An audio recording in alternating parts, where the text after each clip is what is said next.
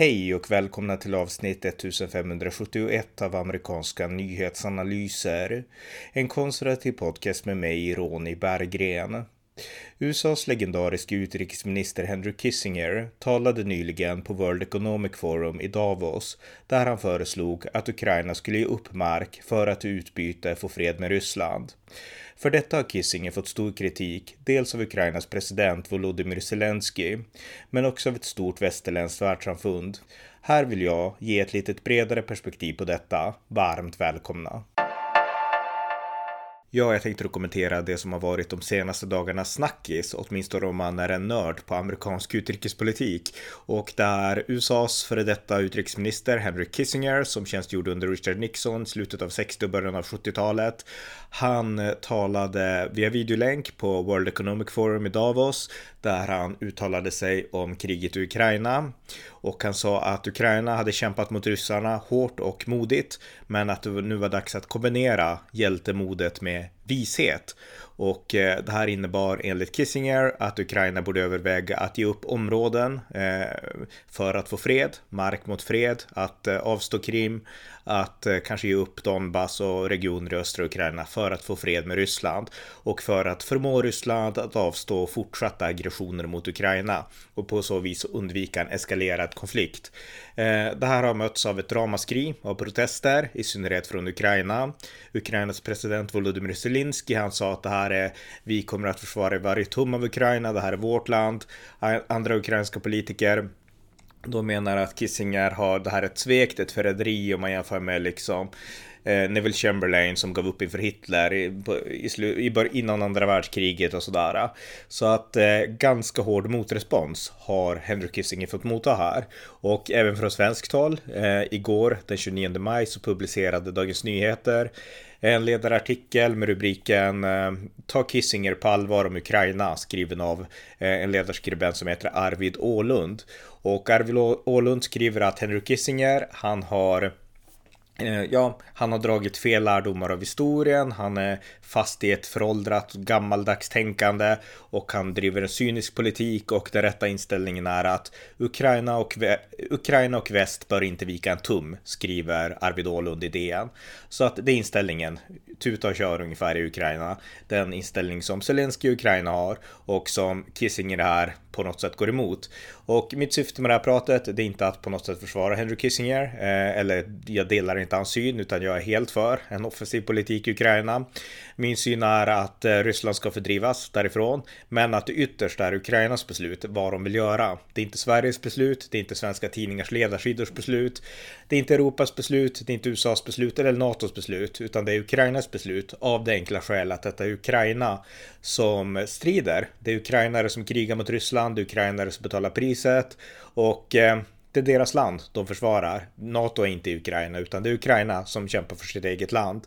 Så det är de som måste avgöra vilket pris de är villiga att betala för att driva ut Ryssland.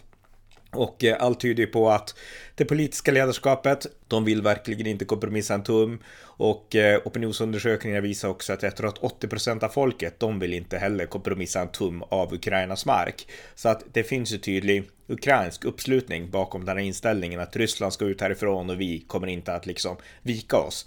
Och det är Ukrainas inställning och jag tycker tydligt att den synen ska stödjas. Det är jag helt för och jag har ju pratat om det här konsekvent sedan början. Men jag vill ändå nyansera eh, Henry Kissinger därför att jag tycker att eh, han har skildrats på ett felaktigt sätt som han, som han inte förtjänar, eh, även om han har fel i den här frågan. Och eh, framförallt så tycker jag att DN hycklar när man svartmålar Henry Kissinger. Därför att vad Henry Kissinger gör nu, det är att han tar ett steg bakåt och han tänker att vi måste se på det här större och strategiskt och eh, ja, så. Det är det som är hans inställning som jag ska problematisera lite om en stund. Men det här har ju varit svensk medias inställning och i synnerhet TNs inställning i år, snart årtionden, i förhållande till amerikansk utrikespolitik. Eh, jag har sedan den 11 september 2001 varit en stor fan av den amerikanska hökaktiga utrikespolitiken eh, som då för, förespråkades av George W. Bush och som ligger i linje med Ronald Reagans tradition och syn på utrikespolitik. Och eh, det var en aggressiv konfrontation med diktaturer, med totalitärt tänkande som islamism och jihadism och liknande. Och eh, det har varit en eh, eh, ett förhållningssätt som ständigt har kritiserats av svensk media och inte minst via DN. Eh, DN har ju gång på gång under krig mot terrorismen till exempel lyft fram en rad amerikanska an antikrigsaktivister, väldigt många, i synnerhet Daniel Ellsberg, han som publicerade The Pentagon Papers i samband med Watergate-skandalen, Richard Nixon där på 70-talet. Han skrev en debatt Eh, på DN Debatt 2006 där rubriken löd Sverige måste bryta med USA om Bush bombar Iran. Och då det var ju hela den här diskussionen om iranska mm, potentialen för Iran att bygga kärnvapen. Och eh, han tog det väldigt många steg därför att Bush hade ingen tydlig plan på att bomba Iran. Eh, så att han hoppade dit att då måste Sverige bryta med USA för USA är en imperialistisk makt. Det var Elfsbergs take på det hela och han gavs utrymme i Sverige i svensk media. Han har intervjuats av DN ofta och häromåret, jag tror det var några år sedan, så fick han Olof Palmes pris för att han arbetade för fred typ eh, genom att vara antikrigsaktivist. Eh, och jag har alltid varit en kritiker av honom av just de här orsakerna. Han har svartmålat USA, han har tydligt stått i den akademiska vänsterns folla i syn på amerikansk utrikespolitik som att USA vore en slags imperiemakt. Han har alltid förespråkat de här hans tycke sunda, mjuka linjerna, vilket jag tycker är eh, underkastelse mot totalitarism. Eh, men han har fått stort utrymme på DN och i andra tidningar och det är inte bara han, det är många andra som, som också har fått stort utrymme, utrymme i svensk media. 2006, det här året då när det gick tungt för USA och Irak och när antikrigsaktivisterna verkligen hakade på även svensk media, då gavs även eh, den italienska marxisten Loretta Eh, Napoleoni, hon gavs ut, utrymme på Svenska Dagbladet där hon då menade att det var ett fruktansvärt krig i Irak, att USA hade fel och att hon trodde då att det rimliga det skulle vara att USA kallade hem trupperna och lät Irak lida igenom inbördeskriget därför att det var bättre än det USA gjorde. Och jag menar, de här inställningarna idag kan vi tydligt debunka dem. Hennes inställning, Loretta Napoleoni, hon hade fel, eh, för USA gjorde faktiskt det några år senare. De lämnade Irak när Obama tog över. 2010 så lämnade de Irak. Konsekvensen av det blev inte att man insåg att man måste komma fram till fred, utan det blev att Islamiska staten reste sig ur askan. Det var Islamiska staten som Bush höll på att besegra besegrade där i Irak. De hette Al-Qaida i Irak då, under Sarkawi. Eh, och de besegrades av Bush för att han var stenhård mot dem. Eh, sen lämnade Obama Irak och de reste sig ur askan. Islamiska staten tog över och utförde ett folkmord, en etnisk rensning och skapade ett kalifat som utförde fruktansvärda straff direkt hämtad från profeten Muhammeds dagar på 600-talet. Eh, och eh, hon hade fel i den analysen. Daniel Ellsberg, han har också fel. Eh, trots det så har sådana som han hypats otroligt mycket i svensk media för att han är på vänsterkanten, han tillhörde den här generationen som avslöjade Watergate och sådana saker och alla från socialistvänstersidan i Sverige tycker att sådana som han är bra och de hypar honom och de här rösterna från den här kanten även när de har fel. Noam Chomsky är en annan röst såklart, den kändaste amerikanska akademikern som betraktar USA som ett imperium som han vill demontera genom sina böcker och sina skrifter och sådana saker. Han var väldigt poppis när jag själv pluggade på universitetet för 15-20 år sedan typ nu.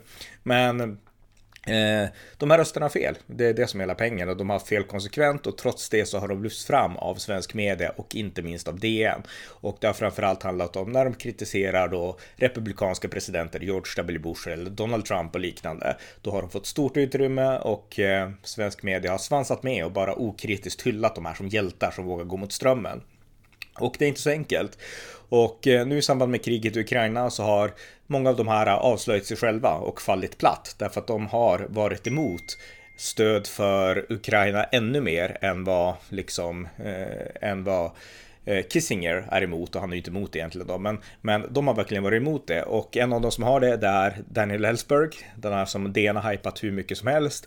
Han gick ut och sa att han, för häromåret så tyckte han att eh, Sverige borde pressa USA och eh, liksom bidra till att eh, eh försoning mellan, mellan USA och Ryssland. Han menade att eh, eh, NATO-medlemskap var fel väg för Sverige, menade Daniel Ellsberg.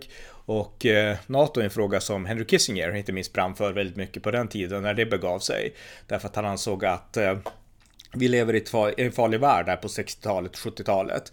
Eh, med ett kärnvapenhot från Ryssland och eh, Europa, de bygger inte upp konventionella styrkor nog, utan det enda som finns kvar, det är amerikansk kärnvapenavskräckning. Och det är ja, det är farligt på ett sätt, menade Kissinger, därför att det här är, om det är bara det som finns kvar, det, det, är liksom, det är bättre att ha konventionella styrkor så att man kan börja där och på något sätt avvärja krig. Och eh, han har haft väldigt många analyser, jag har läst en bok av honom som handlar om det, eh, av just NATO och synen på liksom kärnvapenavskräckning, där Kissinger också har varit kritisk till både till eh, Storbritannien och Frankrikes egna kärnvapen, för att han har menat att det är bättre att USA har kärnvapenparaplyet, därför att vi är starka vi kan avskräcka på riktigt. Medan vare sig Storbritannien eller Frankrike har någon chans. Skulle det bli ett kärnvapenkrig så kommer de att bli förintade mot Sovjetunionens massiva kärnvapen. Sovjet är ett större land, de kan absorbera kärnvapenattacker bättre och de kan slå mycket, mycket mer kraftfullt mot de här miniländerna. Medan det land som har potential att verkligen avskräcka Sovjet, det är USA, konstaterade Kissinger och därför att våra kärnvapenparaply bra, medan Europa borde bygga upp mer konventionella styrkor för att kunna visa att det liksom i första hand så kommer vi att eh, kämpa för er själva, så vill ni så kan ni komma och slåss mot oss. Och sen i andra hand så sätter man in det amerikanska kärnvapenparaplyet. Det var lite så han resonerade då. Ganska logiskt där och då, och jag kommer att återkomma till det. Men Henry Kissinger var också en person som spelade en roll när det gäller de här hemliga förbindelserna med Sverige. Många pratar nu i samband med NATO-medlemskapet så har det pratats om att Sverige haft ett avtal med USA under bordet i tid och evighet. Och det är sant. Och en av de nyckelpersonerna till de avtalen, det var Henry Kissinger under Richard Nixons presidentskap. Och ehm, eh, han fick ju mycket skäll, Kissinger, men även Nixon såklart av Palme för bombningarna i Kambodja i samband med Vietnamkriget och sådana saker. Och eh, när Palme gick ut och sa att eh, eh, det här var fruktansvärt och att man, man kunde jämföra med nazistiska koncentrationsläger. Då gick Kissinger ut och blev väldigt arg på Palme. Men det hindrade inte Kissinger från att liksom ändå inse att realpolitiskt så måste vi stödja Sverige och skydda dem och sådana saker. Och eh, ja, eh, så att det, det var Kissingers inställning. Så att han har ju haft en mycket mer Sverigevänlig politik om man säger så än Ellsberg och de här andra. Därför att de här antikrigsaktivisterna, de har verkligen betraktat eh, USA som den stora fienden. Inte liksom Iran eller Ryssland eller Kina eller sådär, utan USA, det är det som är problemet. De som är problemet, det är den amerikanska vänsterns inställning.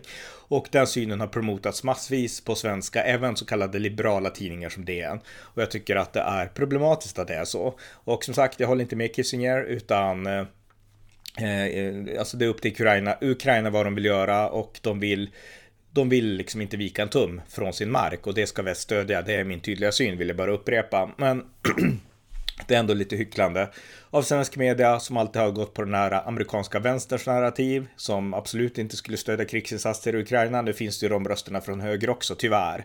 Men eh, det är den amerikanska vänstern som alltid har varit ute mot alla USAs krig som har hypats av liberal svensk media under ganska lång tid och eh, som i första hand borde liksom belysas som problematiska personligheter.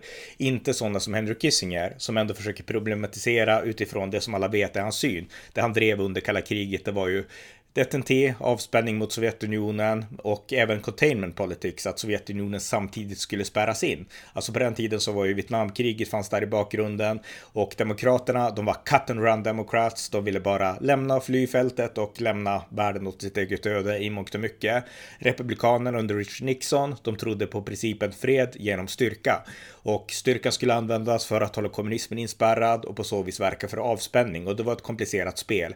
Kissinger, han var ju med och drev det här spelet liksom högintellektuellt. Det var han som var en nyckelperson när Richard Nixon öppnade för Kina, han gjorde sin hemliga resa och träffade Mao och man körde därmed in en kil mellan Kina och Sovjetunionen, den tids rivaliserande supermakt. Och det var ett eh, lyckat drag där och då. Sen så kan vi se på Kina dag, men det är en annan sak. Men eh, han var med i alla de här små detaljstyrningarna, till exempel när det gäller eh, ja, många olika saker som, som, som man kan gå in på i detalj i en podd som specifikt kanske handlar om Kissinger. Men han var med i just det här stora spelet, där realpolitik, inlåsning av Sovjetunionen, Eh, begränsning av världskommunismen och eh, avspänning så att det inte skulle bli ett tredje världskrig. Det var liksom doktrinen. Det var inte att liksom skapa demokratier i världen och liknande, utan det var att stänga in kommunismen. Det var Richard Nixons syn. Realpolitik helt enkelt. Och ofta så är det realpolitik som Sverige inte minst har efterlyst och som Sverige också har agerat efter för att i vårat fall inte dra in Sverige i krig.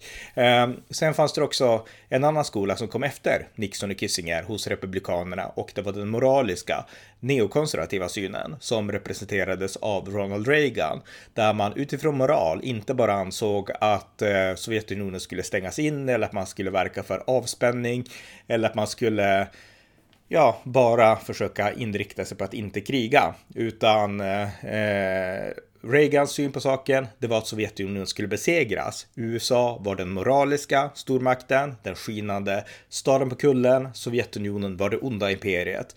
Och det var USAs moraliska förpliktelse att för världens frihets skull besegra Sovjetunionen. Och det gjorde Reagan tillsammans med Thatcher i Storbritannien genom ekonomiska reformer på hemmaplan och genom militär kapprustning. Sovjet föll i början av 1990-talet. Det fanns interna faktorer till det också, men de föll och eh, man besegrade Sovjetunionen utifrån de doktrinerna. Och det är just den här synen på moralisk idealism som präglade Reagan och som också präglade George W. Bush även i förhållande till krigen, både i Afghanistan och i Irak.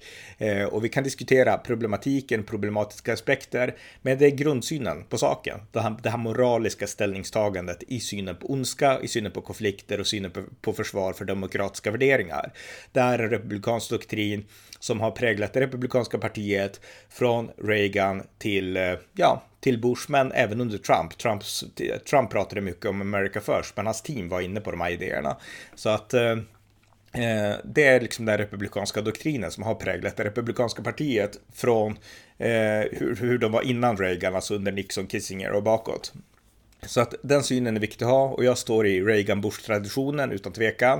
Eh, men det intressanta här då, det är att DN nu när man skriver så här då att eh, Ukraina och väst bör inte vika en tum, utan man ska ha moraliska anledningar, stå upp för Ukraina och låta dem verkligen kämpa till slutet. Då intar man ju just den här, åtminstone teoretiskt, den här neokonservativa inställningen som Sverige aldrig har intagit, som liberala tidningar aldrig har intagit och som Henry Kissinger fortfarande inte intar. Men han hoppar inte på det här nya tåget att nu ska vi liksom kämpa för Ukraina av ren liksom, nu tycker jag bara så för att jag tycker så, utan han låter bli att hoppa på det av den enkla anledningen att han är djupt personifierat, i, liksom skolad i den här realpolitiska skolan. Han uppfann den nästan. Eh, och eh, han tänker realpolitiskt på världen och det måste man ändå respektera. Och det är den respekten jag tycker saknas i DN-artikeln. Här finns inga liksom, vad ska man säga, analyser av Kissingers ändå väldigt djupa och väldigt eh, funktionella och liksom dugliga analyser av, av världen. Han har verkligen gjort massvis för att besegra kommunismen, Henry Kissinger, för det gick inte att vara idealist eh, under kalla krigets eh, heydays som det går idag. Alltså att vi kan vara demokratiska idealister som vi är i synen på Ukraina nu och som Bush-administrationen var i synen på Irak och Afghanistan, eh, vilket sen övergavs av cut and run democrats som gjorde att Afghanistan föll till exempel för talibanerna. Men att vi kan vara idealister på det sättet nu, det beror på att Sovjetunionen redan har fallit. Det finns ingen stark konkurrent till våra liksom demokratiska världssyn som upprätthålls i grund och botten militärt av USA. Det, är liksom, det finns ingen konkurrent som kan slå ner den världssynen, utan väst dominerar med vårat anglosaxiska perspektiv med syn på demokrati, mänskliga rättigheter. Det är sta de starka krafterna i världen, främst USA, tror på de idéerna. Under kalla kriget var det inte så. Då fanns det en demokratisk värld anförd av USA, sen fanns det Sovjetunionen, andra halvan av världen, som inte trodde på demokrati. Och då gick det inte att vara idealist på samma sätt, utan då behövde man vara realpolitisk och Henry Kissinger var en expert på realpolitik. Jag har jättestor respekt för Henry Kissinger därför. Men jag själv är inte fostrad i den skolan utan jag tror mer på den här idealismen och jag tror att tiden för idealism eh, är inne nu. Det har jag trott under hela min politiska medvetna aktiva tid. Eh, men när Kissinger formades, han formades mer av det skulle jag säga än av andra världskriget, då gällde andra Eh, då gällde andra spelregler därför att omständigheterna var så annorlunda. Och han lever fortfarande kvar i det tänkandet när han idag analyserar Ukraina, vilket jag tycker är fel. Han överskattar Rysslands styrka i så fall och eh, jag tycker väst ska kanalisera styrka här. Men det är inte fel av honom att göra de här analyserna. Han är inte någon sån här vänstergalning som Noam Chomsky. Jag läste en artikel i Newsweek där det stod att Chomsky och Kissinger är på samma sida, men det är de ju inte, utan Chomsky han tycker ju allt USA gör är fel. Han tyckte allt Kissinger gjorde var fel och han tycker att alla USAs militära äventyr, vart de än är, Irak, Vietnam, det är imperialism, amerikansk imperialism. Det är inte Kissingers syn, utan han vill bara analysera världen realpolitiskt. Sen råkas de sammanfalla i den här frågan, men de gör det inte utifrån samma utgångspunkter. Så det är viktigt att förstå också. Men eh, man måste an kunna analysera världen. Kissinger kan det, Dagens Nyheter kan det inte. Och det är väl det som är min poäng här, att det breda perspektivet. Sen återigen, jag är mycket mer demokratisk idealistisk än Henry Kissinger, men hans realpolitik eh, tjänade ett viktigt syfte, den ska respekteras och framförallt ska hans argument inte förytligas. Ni har lyssnat till amerikanska nyhetsanalyser där jag avslutningsvis skulle vilja mana er som har möjlighet att skänka en gåva till valfri Ukraina-hjälp.